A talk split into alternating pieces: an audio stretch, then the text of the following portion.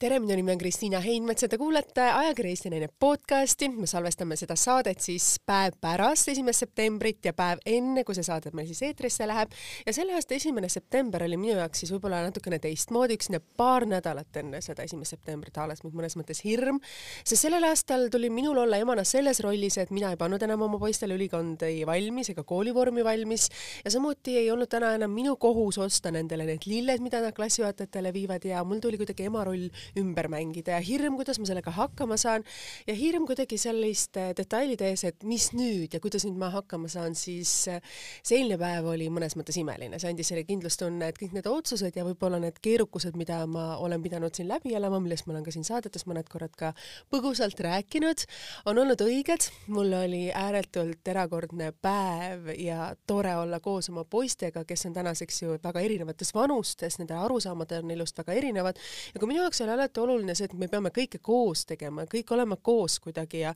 ja see oli nii keeruline ja raske, sest iga laps ju tegelikult tahab seda privaatset aega ja iga laps tahab seda, olla see ainulaadne ja iga laps tahaks ka kuidagi natuke ennast nagu erinevalt tunda, mitte et siis ta surutakse kogu aeg ühtsetesse raamidesse, et nüüd me teeme kõik ühiselt koos ja teeme nii. siis oligi, et kuna aktused olid erinevatel aegadel, siis võtsin ma nii nagu iga aasta oma ristipoja ja oma poja, kes siis käivad ühes klassis ja käisime nendega sushit söömas pannkookide asemel, mida me harrastasime siin aastaid, sellepärast et ilmselgelt viieteistaastaste teismeliste jaoks on selline pannkook out, kasutades enda sõnavara ja sushi on midagi väga trendikat in. Ja siis me sõime seal sushit ja erakordselt äge on nagu täna vaadata oma lapsi veidi teist, teise nurga alt ja näha, et kõik see, mis sa oled neile emana kaasa andnud, see, et nad oskavad seda, nad teavad seda, nad oskavad neid probleeme lahendada, nad oskavad kaasa rääkida väga erinevatel teemadel, kui sa emana küsid neil, aga ikkagi see teismelise ei, ma ikka teen, mida ma tahan ja see erakordselt imeline sõnavara, mida me teismelised siin, ma arvan, mitte ainult mina emana, vaid paljud teised emad võib-olla näevad, et see kahjuks ikkagi aeg-ajalt varjutab kogu selle hea ja normaalsuse, mida me emadena oleme nendele kaasa andnud, aga ma loodan väga, et mingil hetkel ka see muutub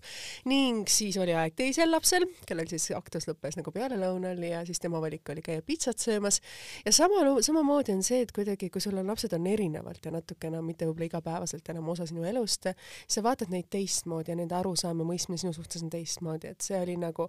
erakordselt äge päev minu jaoks, erakordselt palju mulle andis, nii et võib-olla kõik need sellised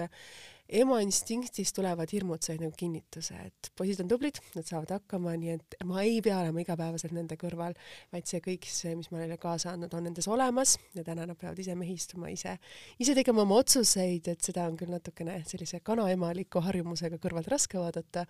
aga samas äh, iga päevaga ma mõistan, et see on olnud väga vajalik nii neile kui mulle, sest võib-olla oligi see liigne hool, mida mina neile pakkusin, see, mis võib-olla muutis ka nendel teatud asju, võib-olla mitte nii õigeks, mida ma emana ei aktsepteerinud. aga lähme nüüd edasi meie saate juurde, nagu öeldakse, esimene september, kõik kõik koos on meie saates, ka sellel podcasti saatel, kui eelmine aasta me alustasime seda katsetusena, siis selleks aastaks on siia ümber loodud ka suurem süsteem ja suuremad detailid ja asjad. alustame ka sellise asjaga nagu Instagrami loosimistega, mis on ääretult popp ja äge, kuna mul on ka kirjutatud, et me võiksime midagi sellist teha, siis saabki olema siis kuulake siis selle reede Instagrami, jälgige Eesti Naise ajakirja podcast Instagrami, siis seal me loosime välja esimese asja, milleks on siis ajakirja Eesti Naine kolme kuu tellimus, nii et katsetame, kas õnnestub või ei õnnestu, aga mina pean tegema endale selgeks detailid, kuidas see täpsemalt käib. aga saadet on kuulatud siis ligi ühe, üheteistkümne kuu jooksul või siis natuke vähem, kümne kuu jooksul ligi kakssada tuhat korda, nii et suur-suur tänu teile kõik kuulajad, kes te olete jälle ja jälle seda podcasti kuulanud, nii et ma tean, et tänaseks on meie kuulatavus viiekümne kuues erinevas riigis, väga palju Ameerikas ja väga paljudes erinevates Euroopa riikides, nii et suur tänu ja tervitused teile kõikidele nendesse erinevatesse maailmanurkadesse, kes ilmselgelt on kõik eestlased või eestlannad suuremalt jaolt, sest eestlasi on ju elab üle maailma väga palju paljudes erinevates kohtades ja ilmselgelt kohalik, näiteks Ameerikas vabalt ingliskeelsest äh, seltskonnast kuulab eestikeelset podcasti, nii et tervitused teile kõigile sinna kaugele. ning tänase saatekülalise juurde on meil üks imeline naine, kellega ma olen kokku puutunud sellistel võib-olla erinevatel üritustel ja vastuvõttudel ja nii nagu ma jälle ütlen, et osad inimesed on sellised kuidagi, sa ei suuda nendega leida ühist keelt ja on inimesi, kes on nii, kes, kuidas öelda siis, mm, kelle energia on niivõrd positiivne, niivõrd hea ja kui sa hakkad temaga vestlema, ta on nagu eluaeg sinu sõber olnud ja sa nagu eluaeg nagu tunneksid teda, et ta on su nagu parim sõbranna, siis eh, tema on üks nendest naistest, kus me saime tegelikult kokku võib-olla mitte kõige sellistemas ähm, sõbralikemas seltskonnas, kus tuli ikkagi olla välja peetud ja sellist välja peetud juttu ajada ja natukene ikkagi soliidsem olla, siis kuidagi see meie omavaheline kontakt, mis meil nagu tekkis, oli nagu selline rohkem sõbrannalik, kuigi see võib-olla ei oleks tohtinud niimoodi olla. ning ilmselgelt minule endale meenub temaga üks selline asi, et kui ma olin TV3 uudistes ja ma pidin siis kommenteerima meie presidendi vastuvõttu kleite, millised on need siis kõige ilusamad ja millised on siis need fopaad, mida tuleks vältida, siis see Sireli lilla kleit kogu selles sümbioosis, mis oli nii tema, tema seljas, see hetk ja kõik need asjad, et see oli imeline, et see mulle kuidagi jäi nagu meelde, et et see naine ja see Sireli kleit on mul siiamaani piltides, et see on üks selliseid eredamaid hetkeid võib-olla, mida ma temast nagu mäletan ja võib-olla on seda naist võib nagu iseloomustada, et ta on nagu mõnes mõttes läbilõige või selline, kuidas öelda siis, eriline nähtus selles mõttes, et ta nagu, nagu Eesti ühiskond, et ma arvan, ilmselgelt sellel ajal, kui ta õppis ülikoolis ja ülikoolis, oli meie naise roll meie Eesti ühiskonnas hoopis teistmoodi ja kuidagi tema, olles ka pikalt abielus, olles täna nelja lapse ema, on suutnud seda kuidagi oma suhet, oma abielu, oma tegemisi vastavalt ühiskonna kuidagi muutustele kaasas käia sellega.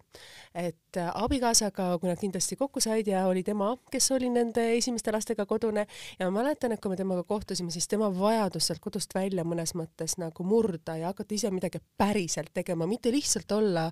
nagu eduka ja ägeda mehe abikaasa, oli niivõrd suur, ma mäletan tollel hetkel, kuigi ta oli elus ka midagi teinud. aga ikkagi see hetk, kui me võtame, et me oleme kodused, siis me kaotame oma kvalifikatsiooni, me kaotame iseendasse usu ja oskuse, et me tahame midagi minna teha ja kas me suudame või mitte ja see mugavustsooni jäämine on oluliselt lihtsam kui see, et ma nüüd hakkangi päriselt midagi tegema, midagi, on kardinaalselt teistsugust ja tema tegi sellise otsuse. ja see, kui ta mulle sellest rääkis omal ajal, siis ma pöördasin silmi, sest äh, ilmselgelt demokraatia ei käi kokku selle valdkonnaga, millega ta täna tegeleb. nii et kui me siis natukene edasi läheme, siis äh, täna on stuudios selline imeline naine äh, nagu Anna-Greta Stahkna, tere tulemast! Kes on siis nelja lapse ema, kunagine siis, kuidas öelda, abiellunud võib-olla hoopis teistel eesmärkidel, kuhu ta on siis tänaseks jõudnud, nii et täna ta on ühes ägedama ja suurema, väga meheliku valdkonna siis üks juhtidest, milleks on Timberter Timbeter, jah. Timbeter või kuidas seda nagu täpselt hääldada siis? no me kunagi, kui me alustasime sellist äh, rebranding ut, siis oligi, et äh, väga palju puiduga seotud ja kuidas seda nii-öelda meetrikat õigesti kasutada, et siis tuligi Timbeter Timbeter, ma just mõtlesin, kuidas seda nagu täpsemalt hääldata, et nagu ingliskeelsemalt või eestikeelsemalt, sest noh, Eesti, eestikeelses turul te olete ju väga väiksed, et te olete igale poole mujale maailmale, aga me hakkame otsast peale pihta harutama seda, kuidas öelda, palli, mida me loodame siis, siis täna siin stuudios avada, nii et hakkame küsima siis kõigepealt, kuidas teil oli esimene september, sul on neli last väga erinevas vanuses ja täna oled sina see nõndanimetatud perepea, kes käib tööl ja sul on täna kodus abikaasa, kes on siis mõnes mõttes võtnud kodusema rolli, kuigi väga suur osa elust on neil olnud teistmoodi tasakaal peres. Ja selles mõttes suur aitäh kutsumast kõigepealt ja sa tegid väga toreda sissejuhatuse, et tõepoolest, et, ähm, et äh, ma arvan, et naiseks olemine tänapäeva ühiskonnas on kindlasti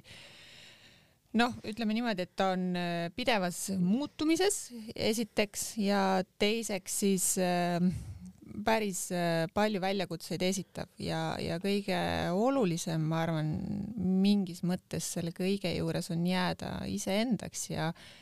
ja aru saada, et äh, mis on minu piirid ja, ja mitte teha endale liiga, äh, liiga suurtele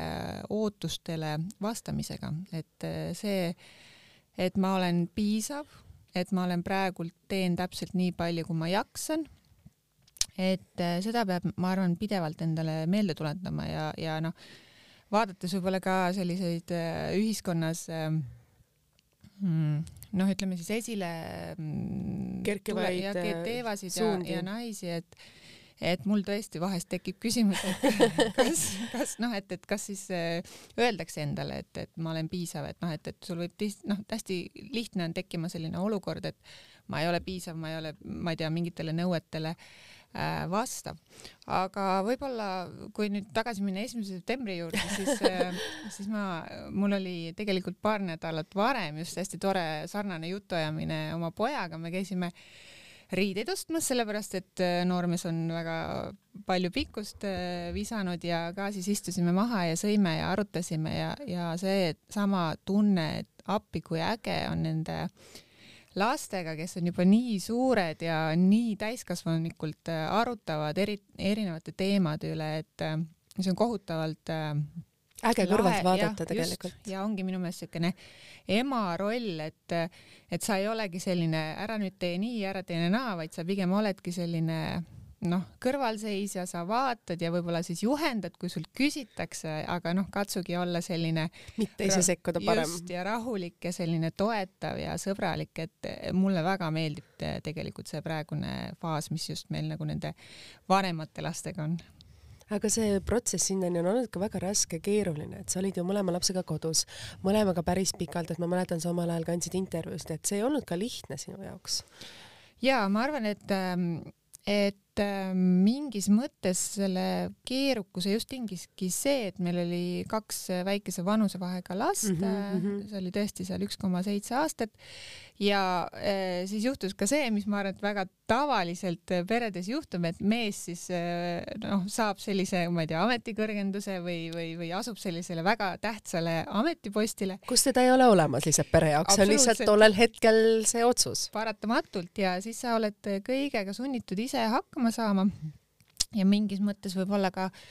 noh, ikka selline vastaabiellunud, eks ole, sa võib-olla omad selliseid ootusi ja ideaale nii-öelda pereelu suhtes ja siis sa kuidagi avastad, et noh, et, et tegelikult suurem osa ajast ma pean ise kõigega hakkama saama. ja, ja ma arvan, et äh, ma tegin omad sellised äh, järeldused sellest äh, perioodist äh, ja teisipidi ma mäletan, et ka Margus oli väga selgelt see, kes ütles, kuule sa pead tööle nüüd minema, et mul oli äh, üks väga tore pakkumine tehtud, mis oli varasemaga võrreldes täiesti teises valdkonnas, see oli IT-valdkond ja mulle tundus see hirmutav. sel hetkel mulle tundus see hirmutav, olles olnud äh, lastega kodus kolm pool aastat ja minnes täiesti uue, uude valdkonda sukelduda äh,, sukelduda sellisesse uude, noh, minu jaoks sektorisse ja, aga tema just oli see, et kuule, sa pead selle pakkumise vastu võtma, eks ole, sa pead ja lihtsalt sa pead kodust äh, minema saama ja küll me siis, äh, küll me siis saame hakkama. Ja, ja ma arvan, et sellest julgustusest oli hästi palju äh, kasu, sest et ilmselt kui ma oleks ise pidanud otsustama, ma oleks kõhklema jäänud. Sa väga ilusasti nagu räägid nagu seda, võtad selle asja kokku, sest tihtipeale me naistena jõua, jõuamegi sinna punkti, aga kui meil ei ole, tule nagu seda tuge, toetust pigem ja ei anta seda tuge, et jah, ma seisan su kõrval, jah, mine tee seda, mida, mis iganes sul süda ihkab, küll me saame hakkama, et kui sul seda sõna ei tule, sa pigem jääd sinna mugavustsooni, sest sa mõtled, sul on ju tegelikult kõik on olemas, miks sa lähed, miks sa teed teise inimese ke elu keeruliseks, ma mäletan, ma alati mõtlesin seda, et kui mina hakkan karjääri tegema, siis kuidagi ma teen tema elu keeruliselt, et miks ma peaksin siis seda nagu tegema, et pigem nagu iseenda nagu mõtetes selline vale kontseptsiooni omamine. Ja kui sul ei tule seda tõuget, et mine tee ja tee seda, siis sa pigem nagu eelistadki see tubli tüdruk edasi olla?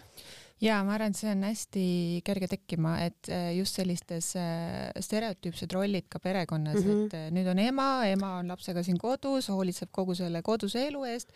lapsed saavad küll suuremad, lähevad lasteaeda, aga ikkagi ma olen kogu aeg olemas, eks ole, ja ma ei võtagi endale suuremat vastutust, suuremat rolli, sellepärast et mind on ju hästi palju kodus vaja. võib-olla hoomamata siis seda, et noh, et, et peaks väga täpselt läbi mõtlema, et, et kuidas siis need rollid jaotuvad ja, ja, ja kaasata noh, isasid loomulikult kohe algusest peale rohkem, see, ma arvan, on nagu ülioluline, aga ka noh, teadvustama, et see, et selleks, et see pere ja tööelu saaks ühildatud korralikult, oleks, on vaja nii-öelda mõlema poole koostööd, koostööd ja panust. Ja mulle meeldib alati just öelda, et et ühe inimese tööl käimiseks ei ole vaja kahte inimest, et noh, et see on minu meelest ebaaus on ju, et noh, et, et absoluutselt, väga õigesti, see on ebaaus. jah, et kui me võtame niimoodi, et noh, et see mehe karjäär on ainult äh, oluline ja siis naine peab siis kõik jätma, eks ole, et toetada. Ja, ja, ja seetõttu mind alati häirib ka, kui noh, ütleme kuidagi nagu meeste puhul see laste arv on siukse positiivse signaaliga, siis nagu naiste puhul appi-appi, et noh, et, et noh, nii mitu last, et noh, et kuidas ta üldse midagi jõuab selle kõrvalt teha. et äh, selles mõttes ma arvan, et, et äh, emad peavad isadele andma rohkem võimalust nii-öelda toimetada teha, see annab, see nõuab ka julgust, sest ma ju ise tean alati kõige paremini, kuidas kõike teha, eks ole, võib-olla ma ei, ei usaldagi näiteks teda kõike tegema. ja mehed peavad lihtsalt ka natukene sammu ligemale astuma ja rohkem olema pühendatud tegemistesse ja siis ma arvan, et, et ilma selliste suuremate komplikatsioonideta see tasakaal võiks äh, kuidagi tekkida kui sa ise läksid tööle tagasi, sa just rääkisid täiesti kardinaalselt teise valdkonda, sa olid kolm aastat, kolm pool aastat kodus olnud lastega, et kuidas see algus sul oli, et noh, ilmselgelt need haigused sealt lasteaiast ja need eemaleolekud ja need magamata ööd, et seda oli päris palju, et kuidas sa nagu sellega kõigega hakkama said, mäletad sa sellest veel midagi, sest noh, sul on vist see enam-vähem praegu ka käsil. jaa, äh, selles mõttes see oligi äh, huvitav, et äh, et ma ütlen ausalt, et mul oli see hirm alguses hästi suur just selle valdkonna vastu ja, ja siis ma sellist töölepingut ei tahtnud esimese kuu aja jooksul allkirjastada. Ma, lükkasin seda kogu aeg edasi, sest ma ei olnud päris kindel, et kas ma kas sa saad hakkama? kas ma saan hakkama. Ja meil oli, selles mõttes oli väga huvitav aeg, et äh, liitusin siis kolmanda töötajana toonase veebmeedia grupiga, kes siis äh, noh, kelleks on siis tänaseks saanud äh, Nortal. Ja me just alustasime nende välis äh, välisturgudega, mm, et seal olid mingid katsetused tehtud ja siis me just, äh, mitmed projektid algasid seal äh, Lähis-Idas, et selles mõttes ta oli ka kultuuriliselt äh, šokeeriv natuke. jah, ja, ja, ja, ja minu jaoks täiesti uus ja ma mäletan väga selgelt, et meil oli üks projekt algamas Kataris ja eesmärk siis oli äh, äh, nii-öelda noh, infra paika saada, et noh, et mhm, kõigil mm -hmm. arendusmeeskonnal oleks kus olla ja toimetada ja, ja, ja mulle öeldi, et noh, et, et tule siis siia kohale ja ma mäletan, et noh, et laps on pooleteistaastane, ma ütlesin, tead, et ma ei tule praegult, et äh, ma ei saa tulla niimoodi, et noh, mingiks teadmata ajaks, mingi kaks nädalat või kuu aega, et ma, ma, ma teen kõik, et ma teen Tallinnast need asjad ära ja ma ajan need asjad korda, aga see kultuur seal kohapeal on ju hoopis teine, et me siin Eestis oleme harjunud telefoni teel Zoomis. asju ajama ja mida iganes, eks ole.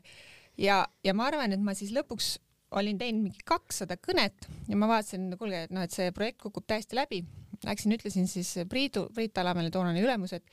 kuule, no et täitsa lõpp onju, et noh, et, et saad aru, see asi ei tööta onju. Ja siis noh, ta lihtsalt ütles, et no aga noh, et welcome to Middle East onju, et noh, need asjad ei käi seal nii. ja lõpuks mul ikkagi õnnestus äh, siis äh, kõik korda saada ka telefoni teel, eks ole, aga noh,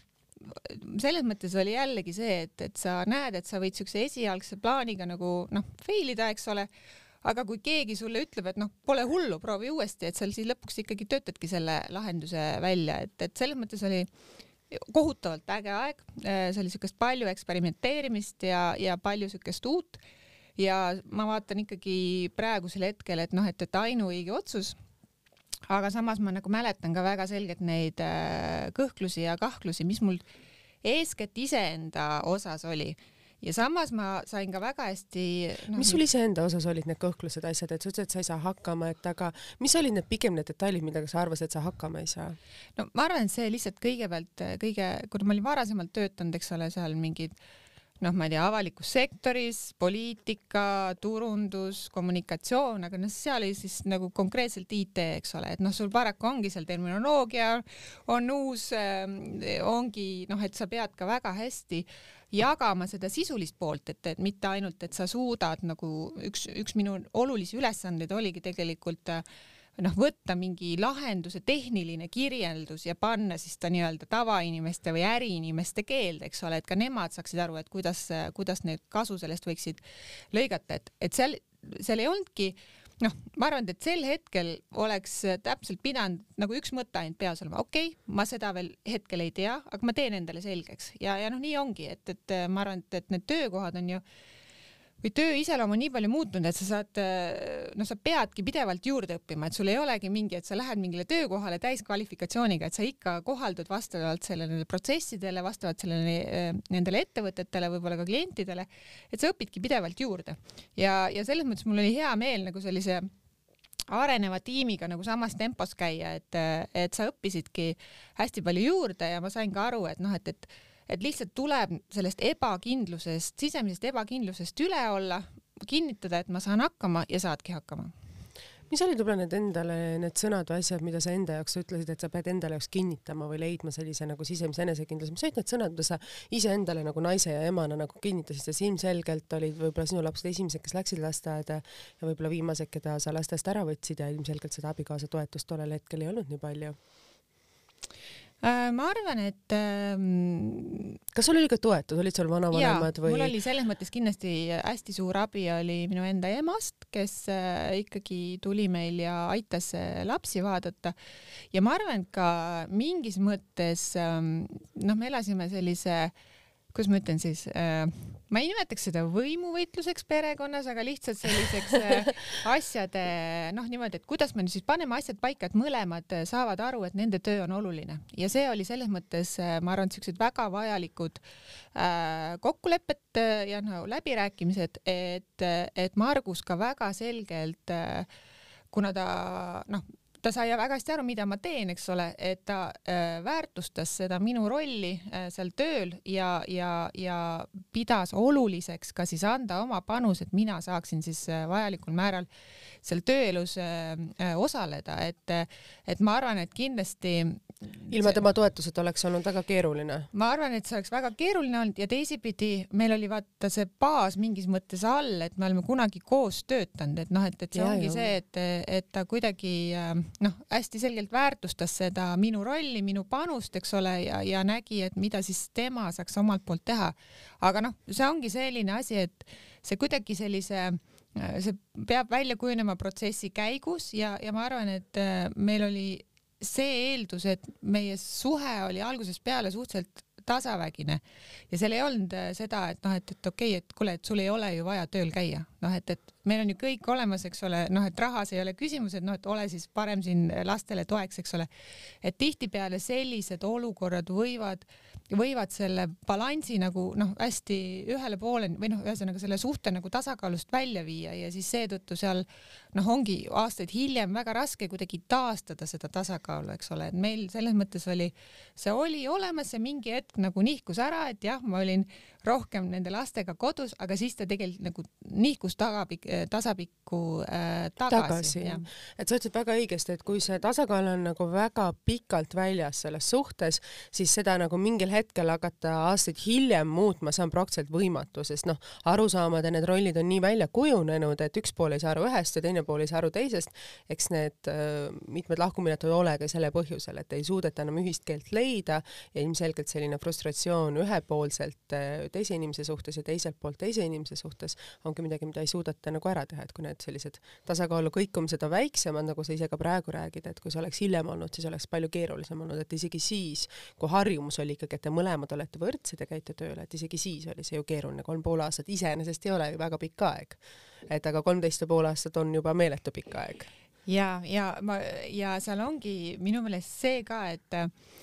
no see on natukene võib-olla äh, selliste paarisuhete teema, et äh, väga tihti ju mulle tundub, et kui niisugune värske paarisuhe on, siis seda niimoodi ühte poolt võib-olla nagu kiputakse ära hellitama või just, just seda nii-öelda, et noh, naine siis võtab endale võib-olla liiga palju äh, selliseid äh, noh. naiselikke rolle. jah, no ongi selline naiselikud rollid, muidugi me kõik tahame olla naiselikud, eks ole. ja see kipub siis see hoolsuskohustus, noh, tegelikult mingis etapis nagu väga suureks äh, paisuma ja, ja, ja taas ongi siis see, et kuule, et, et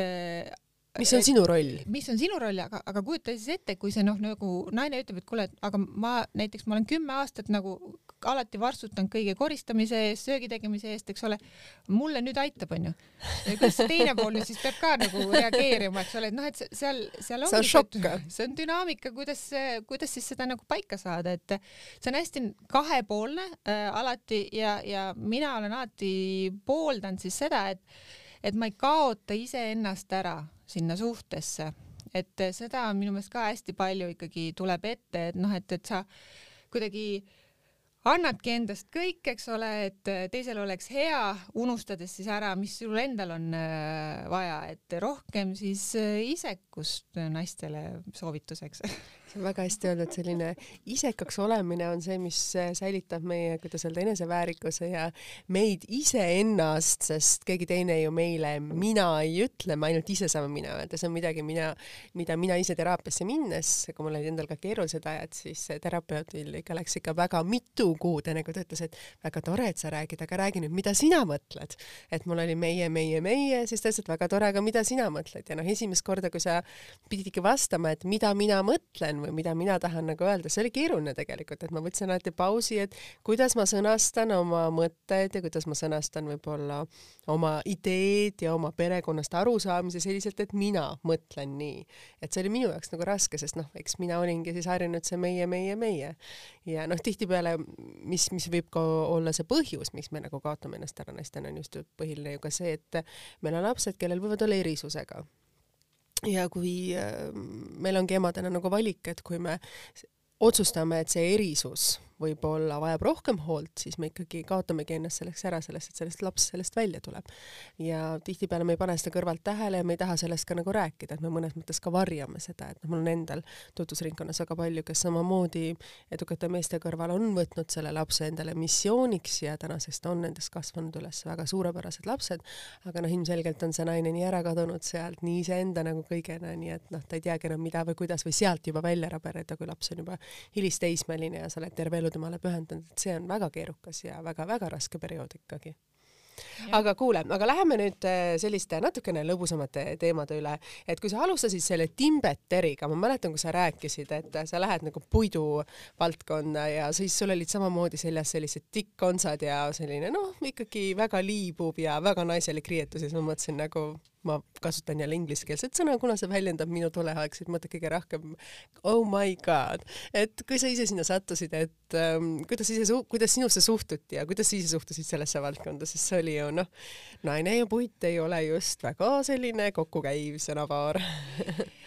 ja selles mõttes muidugi see valdkond oli eriti uus ja väga mehelik ja ma arvan, et alguses ikkagi võetigi siuke kerge huumoriga. Teie palun tooge kohvi ja,. jah, et mis, mida sa nüüd lillekesid otsid metsast, eks ole aga tänu sellele, et mul oli ikkagi täitsa arvestatav kogemus äh, Nortalis äh, just selle tarkvaramaailma poolega ja, ja noh, oled selgelt näinud, eks ole, kuidas IT lahendab väga suuri probleeme ettevõtetes, inimestevahelistes nagu kommunikatsioonis, hõlbustab kõiki protsesse, siis minu jaoks oli see noh, et kuulge, aga see kõik on ju tehtav ka siin äh, metsas, eks ole, et noh, et, et ei saa ainult loota nii-öelda rasketele ma masinatele vaid me saame ka väga palju selliste digitaalsete lahendustega ära teha. ja mingis mõttes äh,, mingis mõttes ma arvan, et äh,, et äh, ühtepidi selline noh, kindlasti ma jäin meelde, selles ei olnud mingit äh, küsimust teisipidi mul oli see dilemma kergelt, et kuidas ma sellele ettevõtte kuvandile mõjun, selles mõttes, et noh, et, et kuna nagunii on tegemist uue tehnoloogiaga, mis on selline äh, Äh, noh, ütleme kergelt äh, väga mehelik noh, ma mõtlen selles mõttes just kahtlusi äratav ja noh, et, et seal on veel mingi naine ka, kes siin on täiesti selgelt ei ole varasemalt sellise puidumaailmaga kokku äh, puutunud. aga ma arvangi, et äh,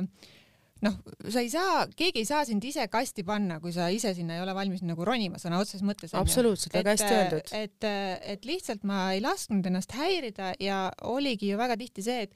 kui sa suudad esimesed kaks minutit noh, piisavalt äh, argumenteerida ja, ja äh, rääkida, mis kasu see toob, eks ole, siis äh, noh, siis sealt läks juba jutt nii-öelda edaspidi asjalikuks, aga mulle ikkagi hästi palju tundub vahest, et et kipub äh, stereotüüpsus sisse tulema. jah, stereotüüpsus see ärimaailmas sisse tulema ja see on ka teisipidi. ma olen just noh, just seesama ema rollis, eks ole, ma mõtlen, et et mida sa saad teha nii, et, et noh, ühtepidi äh, su tütar, eks ole, oleks piisavalt ennast kehtestav äh,, noh, ütleme jõuline äh, ja, ja lööks läbi ja teisipidi siis poeg äh, võib-olla siis äh, noh, piisavalt kui sihuke empaatiavõimeline mm. -hmm. et, äh, et mulle ikkagi tundub, et noh, ma nii tahaks öelda, et, et kuule, et, et alustuseks lööme jalaga näkku, eks ole, ja siis hakkame rääkima, et see on niisugune, ma ei tea, üheksakümnendate stiil, mis võiks nagu selja taha olla jäänud. absoluutselt. aga mul on ikkagi vahest tunne, et noh, et, et selline kuidas ma ütlen siis, noh, see alfa-isaste tants on ikkagi vahest nii selline ähm, noh, domineeriv, ütleme seniaani, et, et, et kui me, kuigi me räägime siin, ma ei tea, suurepärastest ettevõtetest, kus on seal kõik siuksed personaliotsused ja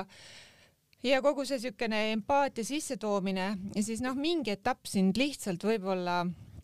sa ei oska äh, samamoodi äh, ennast kehtestada, nagu mehed teevad, seda ei, see ei ole sulle loomuomane. Ja, ja vot sealt tuleb sihuke teatud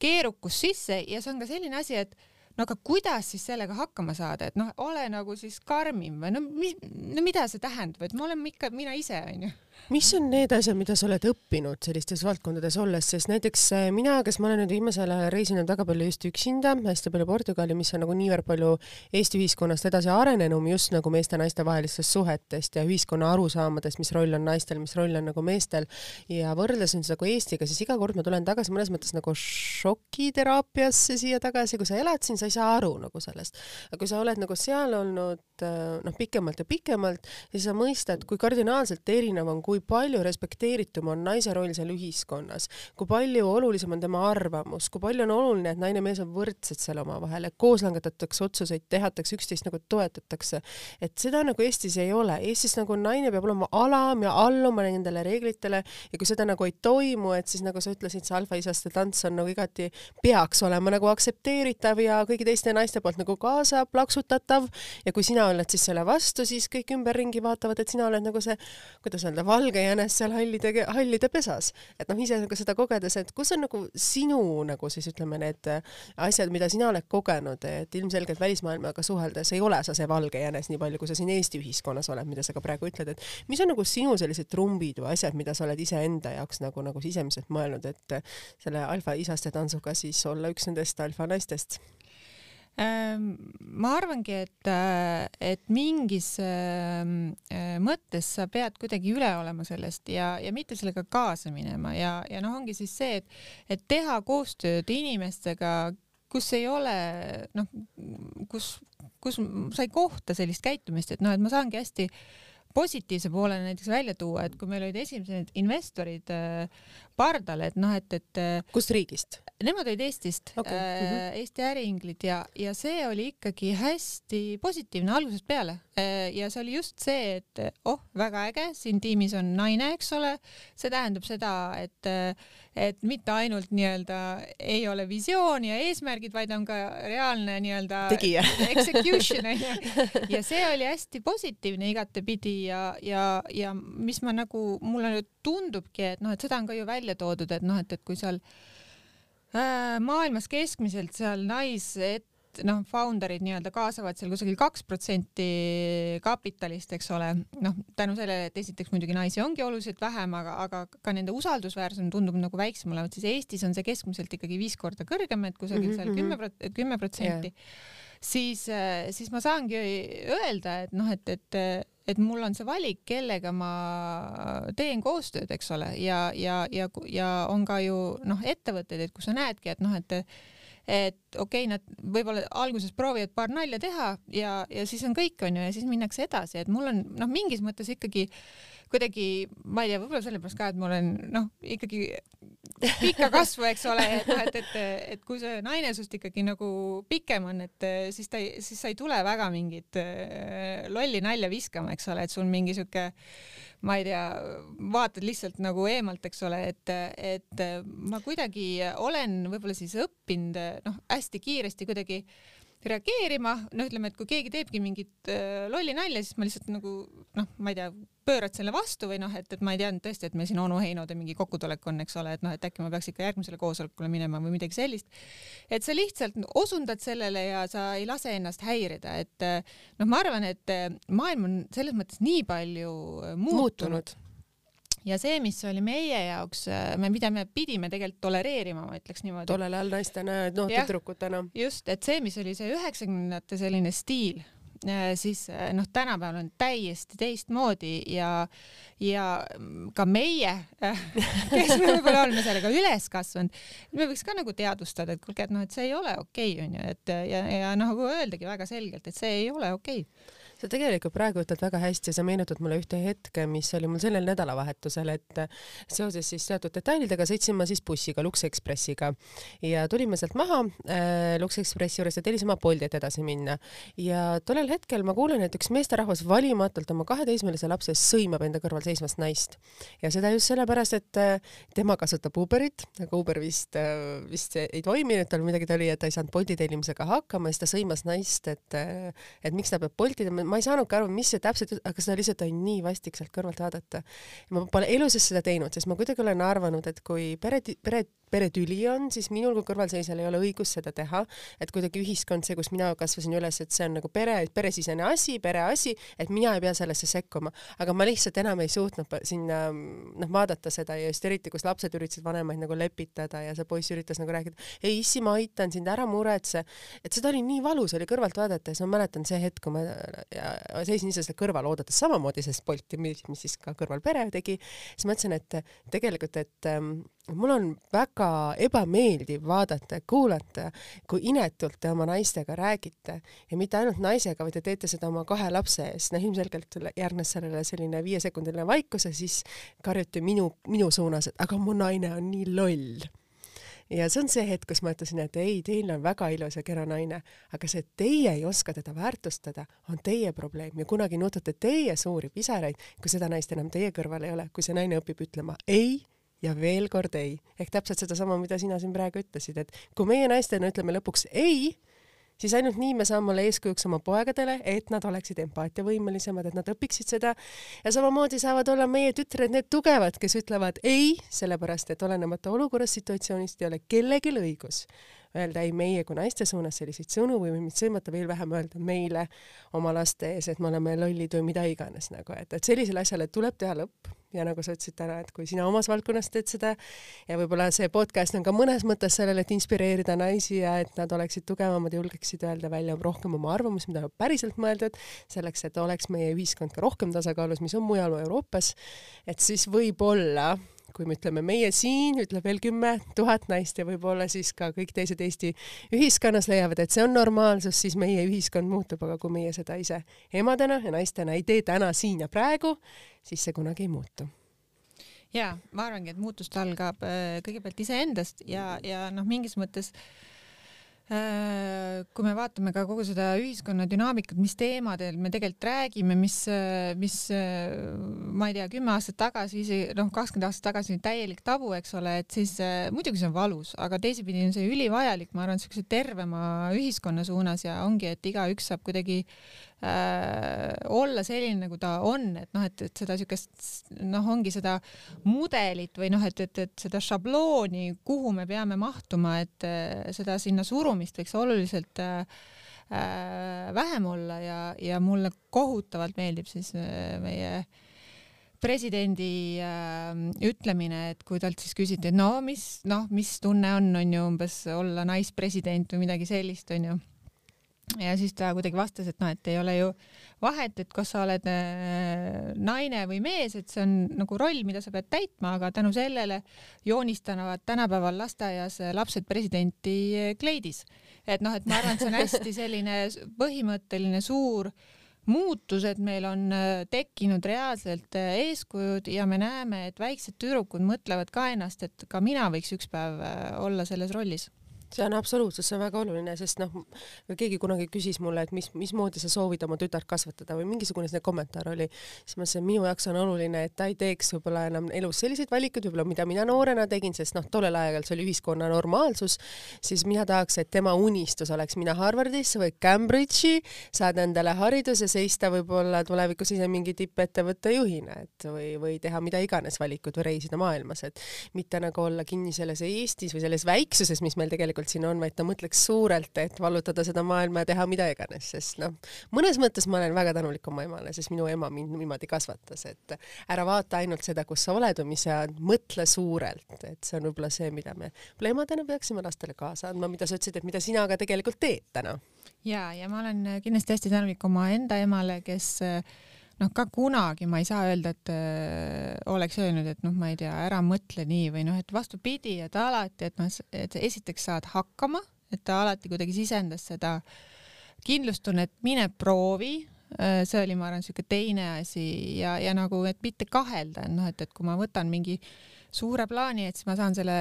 vabalt ellu viia. aga mul on üks mõte, mis mind on tegelikult pikalt painanud ja kuna ma olen nüüd oma eluetapis tagasi, kus ma loen nii-öelda õhtujutte lastele, eks ole,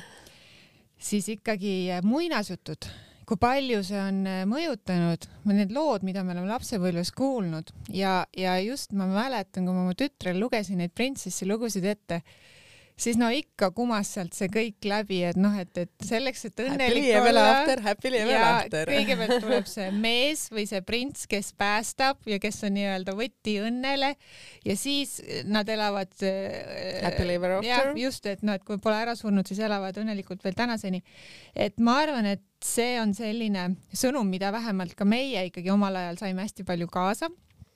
ja, ja, ja noh, paratamatult see võib sind ju kujundada, et et noh, et, et selleks, et olla siis tõesti õnnelik, eks ole, et mul peabki see prints mind äh, päästma, eks noh, nii-öelda sellest kogu sellest maailma kurjusest või kurja võõrasema käest, eks ole. ja teiseks, et, äh, et siis lugu lõpeb kui abiellutakse, eks ole, ja noh, ütleme päriselus sa ju tead, et siis alles kõik algab. Mõnes mõttes on see nagu äh, šokk, et kui sa ikkagi noh, alles abiellud, siis sa oled nagu kuidagi võrdne, aga siis need soorollid muutuvad justkui teist nagu tekib pere ja siis hakata nagu selle pere keerukusega hakkama saama, selleks ma arvan, me noortena ei ole kuidagi valmistunud ja see šokk on ikka päris suur mingisugusel hetkel, et erinevate nende rollide jagamine, just nagu sa ka mainisid, et seal kodus olemine ei olnud just äh, kõige lihtsam, kuigi me teeme seda endale lihtsamaks, võib-olla mõtleme seda enda jaoks niimoodi, aga noh, tegelikus reaalsus on see, et see ei ole okei okay ja me ei suuda nagu seda pikalt, vähemalt suurem osa naisi seda taluda. aga räägi nüüd, sul on neli last sa said kaks last, kui sa olid noorem ja nüüd sul on kaks last sellises vanemas eas. kas emaks olemine oli nooremana ühtemoodi ja vanemana nüüd on teistmoodi ja nüüd, kus sina oled rohkem karjäärile keskendunud ja isa on nende lastega kodus, et kuidasmoodi see erinev, see eluperiood on sinu jaoks? Äh, ma arvan, et see kindlasti äh, on äh, selles mõttes hästi erinev, et ma olen ise palju rahulikum ja, ja kuidagi ma usaldan iseennast oluliselt rohkem ja ma just mõtlen seda ka kogu aeg, et noh, et, et mul ei ole seda enam, et noh, et, et võib-olla seal mingis esimeste laste puhul, et noh, ma ei tea, et nad on väiksed, et saaks see etapp läbi, midagi sellist. nüüd ma nagu teadlikult mõtlen seda, et noh, et ei, et, et, et sa naudid? ma üritan seda võimalikult palju nautida ja mõeldagi just seda, et noh, et tegelikult see aeg läheb nii ruttu ja see ongi siis see, et kui juba see kool peale tuleb ja noh, praegu on lasteaed, eks ole, et noh, siis nad juba ju nii kiiresti nagu kasvavad eest ära, eks ole, et ma, et ma noh, on mingid siuksed pisikesed asjad, mida ma üritan niimoodi jälgida ja niisugused mingid igapäevased toredad tegemised, mida üritan lihtsalt äh, nautida ja ma tean seda, et maailm ei lähe eest ära ma tean seda, et mitte ükski üritus ei ole seda väärt, et noh, et näiteks kui sul on tõesti väga keeruline, ma ei tea. lapsehoidjat leida või kuidagi ära korraldada oma pereelu. noh, et, et kui ma jään sellest üritusest nagu mitte midagi ei juhtu, et noh, tegelikult ka ei juhtu mitte midagi ja no teisipidi ka kindlasti ma olen tugevam planeerimises, et noh, et, et, et. no ilmselgelt nelja lapsega peab ja. seda olema mõtlen asju paremini läbi ja, ja ma lihtsalt katsun nende argipäeva toimetuste kõrval kuidagi igapäevaselt äh, rõõmsam olla, et, et ma just mäletan, et nende kahe esimese lapsega, et et masendus tuli kiiresti no, peale, sest see šokk on suur, kui me saame alles emaks. Ja seal oli just see, et ma mäletan, et päevad olid vahest nii pikad, et ma isegi vaatasin mingi etapp tõesti nagu kõik, kõige nüridam hetk oli vahest vaatasin mingi vaprad ilusad umbes onju ja siis noh, korraks kasvõi, et noh, et see päev läheks natukene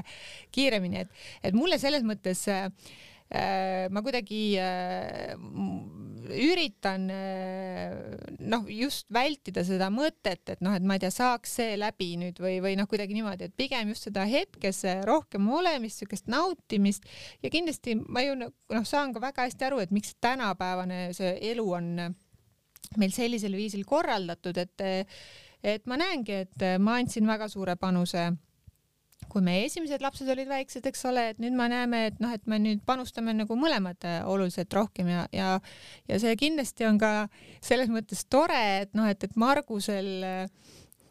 Margusel mõnes mõttes sellise täisvastutuse võtmine just kolmanda lapse puhul oli ju esmakordne, et noh, et, et see kuidas see laabus teil, kuidas sul oli kõrvalt vaadata, sest no sinul oli ju see startup oli käivitamises ja startup'i käivitamine tähendab ju kakskümmend neli seitse, seitse päeva nädalas on ju ikkagi, et see on väga keeruline ja raske aeg ja sa pead ikkagi noh, mingil hetkel teatud protseduurid, mida sa pead emana tegema, mida ei ole võimalik edasi lükata, et kuidas sa seda perioodi mäletad? Või see oli lihtsalt insomnia? Äh,? No ma peaks lihtsalt ütlema, et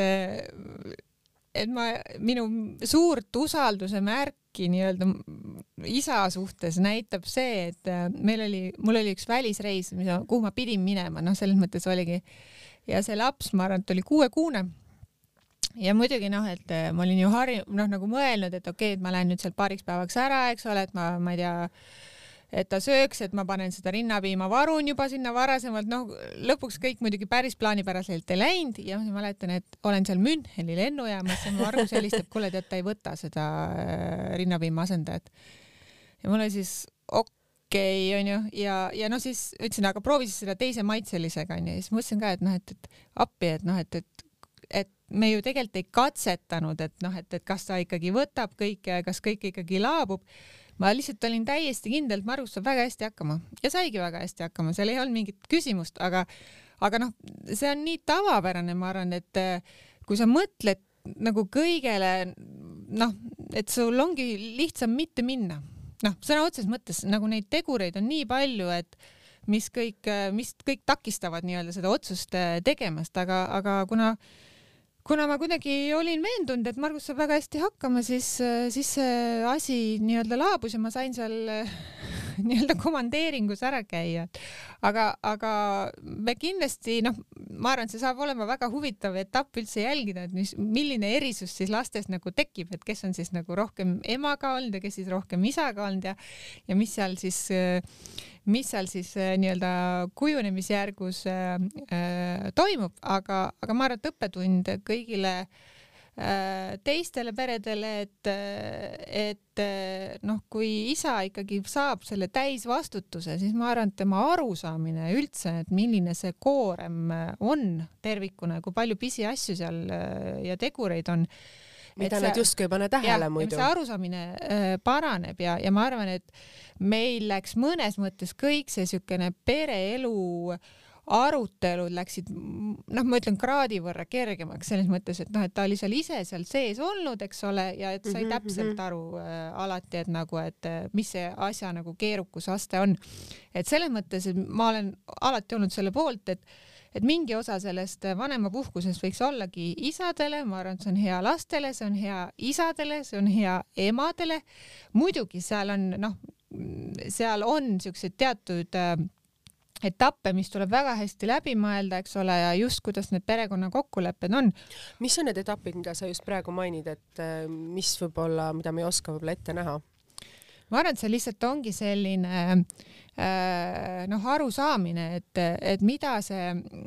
mida see kogu äh, vastutus siis tervikuna äh, tähendab, eks mis on ole. Marguse sõnad olnud sellel hetkel, kui tal nüüd see kogu see vastutus on?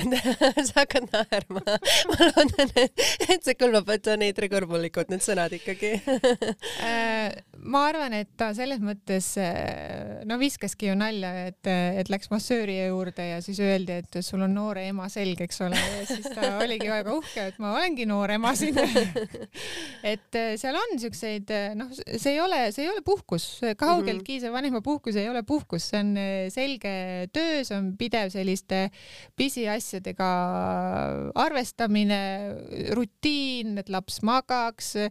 ma ei tea, vihastamine jäätise auto peale näiteks, mis ajab su lapse üles, et sellised pisiasjad, aga, aga ma arvan, et see on ka teisipidi niisugune meestele hea võimalus korra aeg maha võtta, sellepärast et hästi tavapärane on ju see, et me noh, sisuliselt ongi, et kui ju see on ju see hea näide olnud, et kui naised ja mehed nii-öelda alustavad äh, karjääri, eks ole, siis äh, see on nagu niisugune maratoni jooksmine ja siis ongi, et nagu mees äh, meestele karjutakse oo edasi, edasi, kiiremini, kiiremini, eks ole, ja naistele siis, et noh, et, et oot-oot-oot, et mida sa Kus sa jooksed? koju, koju onju. et, et võib-olla ka meestele tasub ka noh, vahest või noh, nagu mõelda, et ta tahabki korra välja astuda ja vaadata teise nurga alt äh, kogu seda elu ja, ja võib-olla panna küsimärgi alla, et kas see, mis ma kõik varasemalt olen teinud, on, on see, mida ma olen tahtnud teha, et äh, ja just, just, just korraks nagu sellest keerisest või noh, siuksest pidevast sprintimisest välja jah, saada välja ja saada. vaadata, et ka elus on muud peale selle karjääri ja selle tipppositsiooni ja nende suurepäraste ülikonnas lips, pintsaklipsestega koosolekutel istumise. Just ja ma arvan, et teine asi on ka see, et koosolekud muutuvad peale seda oluliselt efektiivsemaks, efektiivsus suureneb. No ilmselgelt selles mõttes, et laps ootab kodus ja kui anti tunniks ajaks luba, siis tuleb selle tunniga hakkama saada ja pärast seda klaasi veini sinna restorani ei ole võimalus enam minna võt- seda nagu endale lubada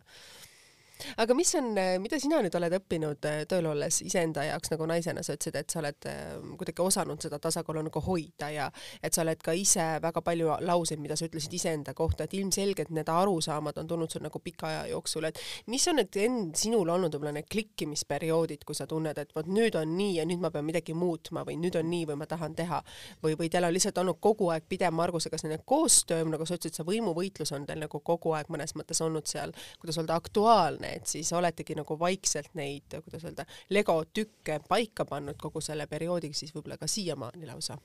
ja no ma arvangi, et see võib-olla see võimuvõitlus on isegi natuke vale sõna, aga lihtsalt niisugune kohaldumine ja just äh, rollide ja ülesannete paika sättimine ja, ja üks hästi oluline asi on kindlasti see, et noh, et, et kuidagi peab ise kogu selle protsessi juures rõõmus olema, et, et noh, et, et ongi, et, et kui sa näed, et sa, see kõik kasvab üle pea, et siis sa nagu ei, ei heida meelt, vaid siis mõtledki, et okei okay, onju, noh, täna on kehvem päev, eks ole, täna ei õnnestunud kõik, aga noh, küll homme läheb paremini. ja selles mõttes noh, ongi minu meelest see pereelu on selline suurepärane näide, kuidas mitte kunagi asjad ei lähe nii, kuidas sa oled planeerinud, et, et no nüüd ma näiteks, ma ei tea, ühine väljaminek, eks ole, nii, nüüd siis söövad no. kõik ära ja nüüd siis äh, kõik lähevad õue, onju. et sul tuleb mingi miljon takistust sinna vahepeale ette, eks ole, ja siis, aga kuidagi säilitada see rõõmus meel ja, ja ületada iga takistus, et, et see on hästi oluline ja, ja kuidagi, kui sa lõpuks siis välja saad, eks ole, et siis sellel ei ole nii kõrget hinda, et sa üldse nagu kahetsed, et miks sa siukese plaani nii-öelda ette võtsid. et, et see on niisugune pidev muutumises olev protsess ja, ja siin tulebki paindlikkust üles näidata, siin tulebki aru saada, et pidevalt tuleb kompromisse teha ja, ja siuksed noh, et sa võid teha kokkuleppeid, sul on mingid kalendrid paigas, kõik nii edasi, aga nagu iga hetk võib midagi muutuda ja võtta seda hästi äh, rahulikult ja, ja, ja just nähagi, et et kuule, et näed, et äh, ma ei tea, mind mingi asi näiteks ajab närvi ja noh, siis ma ei tea, võtta see aeg, minna jalutama, minna, ma ei tea. oma aeg. oma aeg jah, lihtsalt olla rahulikult maha rahuneda ja tulla ja jälle nagu rõõmsalt asuda toimetama, et et me, et noh, et paratamatult, et kui sul on nagu hästi palju inimesi kogu aeg ümberringi ja noh, mingi. no teil ilmselt ka on, et ikkagi kuus liiget ja kaks väikest last, kelleks on oma režiimiga, siis teismelised, kes ütlevad, ma tahan vaikust, et see on päris keeruline võib teil seal peres olla, et sellist rahu ja vaikust saada, see on ja, ikka tõeline koordinatsioon. minna koeraga jalutama rappa, et see aitab väga hästi nii et sa oled ka leidnud endale kindlad traditsioonid, asjad, et sa ütled, nüüd ma lähen sinna, teen seda, siis kõik arvestavad, et ema ei ole ja Margus on see, kes võtab siis kogu selle rolli enda peale. ja selles mõttes, et noh, ongi, et ka üksteisega arvestamine ja selline vabaduse andmine on ülioluline, et, et ja, ja nagu mõista ka seda, et noh, ongi mingi aeg, kus me teeme asju koos, mingi aeg, kus öö, üks teeb seda, teine teeb toda, nüüd on see, et kellelgi on mingi oluline asi, eks ole, siis nüüd me võtame äh, kuidagi nagu katame siis seda ülejäänud seda ja, ja, ja võtta. tasakaal ja koostöö on siis just. need sõnad, mida sa ütled ja vabaduse mm -hmm. andmine just mm -hmm. see, et sa usaldad teist inimest tema otsustes jaa, ma arvan, see on väga hästi kokku võetud. ei no selles mõttes, et kui sa vaata nagu praegu räägid, et äh, ma hakkasin mõtlema teatud noh, detaile ja asju, noh, ütleme mõnes mõttes ka omaenda elu või teatud detailide või asjade peale, et et kui sa rääkisid, et sa võtad oma aja, sa lähed, siis mäletan, et äh, minul oli mingil hetkel, ma armastasin kodult käia lastega basseinis ujumas ja mingil hetkel ma loobusin sellest ja ma tegin seda sellepärast, sest see oli ainuke hetk, kui ma sain võtta enda aja. ja ma tihtipeale ütlesin, et ma lähen asju tegema, lihtsalt istusin salaja nurga taga, siis ma teadsin, et see on see hetk, kui isa on lastega basseinis ja see on see hetk, kui ainuke hetk, kus ma saan endale võtta vabaduse, mõtlen, ma lähen teen midagi seal üleval. ma tegelikult ei teinud, ma lihtsalt istusin rahulikult, ma isegi ei vaadanud telefoni või kui isegi vaatasin, lihtsalt äh, vaatad uudiste pealkirju, et lihtsalt olla. et ma arvan, et võib-olla see oligi see aastatega selline oma aja defitsiit on siis see, mis mingil hetkel plahvatab sellise suure pauguna või sellise sisemise asjana, sest ega noh, sa inimesena, sa ei ole seda ju noore tüdrukuna õppinud ega seda teinud, et siis sa nagu, kuidas öelda, kasvad koos selle asjaga, aga teinekord võib-olla oma tunnetest rohkem rääkida oleks rohkem kasu ja võib-olla oskus ka kuulata. nagu sa ütled, et see on teie peres nagu kõige tähtsam, kõige olulisem. ja noh, meil ongi selles mõttes äh, noh, kuidas ma ütlen, et äh, hea võrdlusmoment kindlasti, et noh, et, et ongi, et kuidas me tegime seal mingi esimeses etapis mm, -hmm. eks ole, ja kuidas yeah. siis me nüüd teeme ja ma olen kuidagi just algusest peale ka nagu öelnud, et ma tahan rohkem nautida seda ja, ja et see kõik kuidagi kulgeks rahulikult ja, ja me teeme siin koostööd ja arvestame kõikide osapooltega, eks ole. see ei ole lihtne selles mõttes, muidugi seal on pidevalt ju tagasilöök, see on täiesti normaalne. aga see ongi, et sa kuidagi säilitad selle rõõmsa ja optimistliku meele ja et okei okay,, noh, täna ei õnnestunud, aga homme siis jälle, et, et, et noh, lihtsalt ongi see, et selline noh, perekonnas sa peadki kõikide osapooltega väga arvestama, aga see ei saa olla ka pidevalt nii-öelda sinu arvelt, et, või noh, ütleme siis ema arvelt, eks ole, et noh, et, et seal peab ka defineerima, et mis need nii-öelda teatud piirid on ja need teismelised ju saavad väga hästi ka tegelikult ise hakkama teatud asjadega, eks ole, ja, ja noh, panna mingid piirid paika ja, ja võimaldada siis kõigile ka seda nagu üksi olemist või siis seda kvaliteetaega üks-ühele, et noh, et, et see kõik nõuab tohutut planeerimist ja läbimõtlemist, aga, aga noh, kui sa tead, seda on vaja teha, siis sa lihtsalt teedki me oleme nüüd lobisenud sinuga Leiki tunnikese ja ma ei ole esi jõudnud esitada sulle neid küsimusi, mida ma tegelikult olen siia kõik kirjutanud. Neid oli hästi palju, sest ma tean, et sa oled Tallinna tüdruk õppinud kahekümne esimeses keskkoolis Reaalis ja käinud Tartu Ülikoolis, nii et kõik sinu selle lapsepõlve teema, mida ma alati iga kord pean oluliseks, et noh, avada mõnes mõttes ka selle naise hinge ja tema lapsepõlve neid tegemisi ja asju, mis tihtipeale defineerivad, kelleks me kasvame, siis selle me peame täna kuidagi öelda, pakime kokku, paneme siia lauale. Ja seda me hakkame võib-olla mingi teine kord arutama, sest meil on olnud minu arvates, me oleme ühevanused ja meil on olnud nagu erakordselt äge vestlus täna minu arvates ja minu meelest ka ja selles mõttes on hästi tore, et et eh, kõik need teemad on ju üliolulised ja puudutavad meid kõiki, eks ole, ja noh, need kogemused on hästi erinevad, et eh, kuidas seda lahendada, aga ma arvan, et siin tulebki lihtsalt mõelda, et noh, õigeid ja valesid vastuseid ei ole, et noh, mhm. lihtsalt me peame, alati ongi need, kuidas kellelegi nagu paremini sobib absoluutselt, sa ütlesid väga õigesti, et ei ole olemas ühte õiget reeglit, kuidas me peame oma elu elama. me oleme küll kõik naised, aga igal naisel on omaenda lugu ja ta kirjutab seda täpselt sellise tempoga, selliste erinevate võngetega ja erinevate paragrahvidega, nii nagu tema seda õigeks peab, sest see on tema elu, tema lugu, tema otsused ja tema õnnelikkus, mis on siis, ongi selle loo nagu kõige tähtsamad komponendid. nii et aitäh, Anna-Greta, et sa tulid siia saatesse ennast jagama, meil oli tund aega vestlus, kui me täna ka mõtleme, millest me rääkisime rääkisime põhimõtteliselt ei millestki, lihtsalt naiseks olemisest, lihtsalt nendeks, nendest väikestest het hetkedest, mis, mil, mis nagu defineerivad tegelikult mõnes mõttes meid endid ise. et me siin, kuidas öelda, selles multikultuurses multitasking uga, jälle ma kasutan ingliskeelseid sõnu, hakkama saaksime nii naise, ema kui tööalaste kui muude sotsiaalsete ja ühiskondlike kohustustega, nii et veel kord suur aitäh sulle, sa tulid, leidsid aega. ja suur aitäh kutsumast. oma nelja lapsekese kõrvalt teisel septembril